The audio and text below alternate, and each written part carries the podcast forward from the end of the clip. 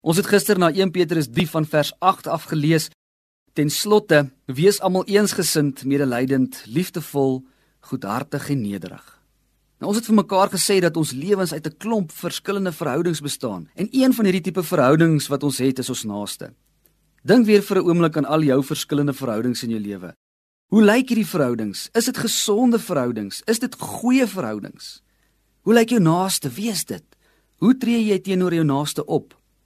Is jy net op jouself ingestel of besef jy dat daar ander mense om jou is wat ook sin van hulle lewe wil maak en wat ook moontlik heel waarskynlik sukkel om soms kop of stert uit te maak van dit wat op die oomblik aan die gang is in hierdie wêreld. Nou Petrus help ons om na vyf beginsels rakende ons naaste, ons verhouding met ons naaste te kyk. Ons het reeds na twee gekyk en dit was eensgesindheid en simpatie. En kom ons kyk na die ander. Liefdevolheid praat Petrus van. Nou hierdie beginsel is nie maklik nie. Dit beteken om jou naaste se foute te bedek en dit nie in die lig te bring nie. Hoor mooi die klemverskywing.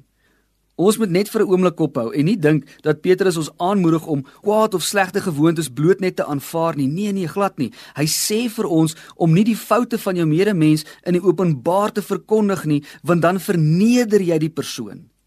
Die gelowige pad is eerder een van alleen eenkant in privaatheid met so 'n persoon uit bekommernis uit met hom te gesels of met haar.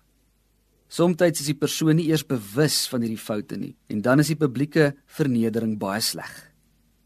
Goedhartigheid, dit is wanneer jy jou naaste sien swaar kry en jou binneste word daardeur geroer. Dink aan die armes langs die straat, die mense wat hulle werk verloor, gelowiges sien dit raak en beweeg nie net verby sonder om daardeur geraak te word nie. Een van die wonderlike eienskappe van Jesus was dat hy deur swaar kry en pyn en lyding diep geraak was. Die laaste een is nederigheid. Nou soms wonder ek of ons nog hierdie konsep in 'n moderne samelewing verstaan. Wanneer ons oor nederigheid dink, dan dink ons aan iemand wat swak is, iemand wat in vandag se lewe nie eintlik vir homself kan opstaan nie en net toelaat dat ander op hom trap. En miskien is daar 'n verskil in swak wees en 'n verskil in nederigheid. Is nederigheid nie eerder die gedagte, die houding, die die ingesteldheid dat jy nie beter is as ander mense nie. Jy's nie die kat se snor nie. Hierdie is 'n belangrike konsep want dit help ons ook om ander 'n plekjie in die son te gun. Nou mag Petrus vir jou herinner aan hoe kosbaar verhoudings is en dat ons dit baie mooi moet bewaar en moet koester. En mag jy ook deur jou verhoudings ook God se liefde en God se genade uitleef.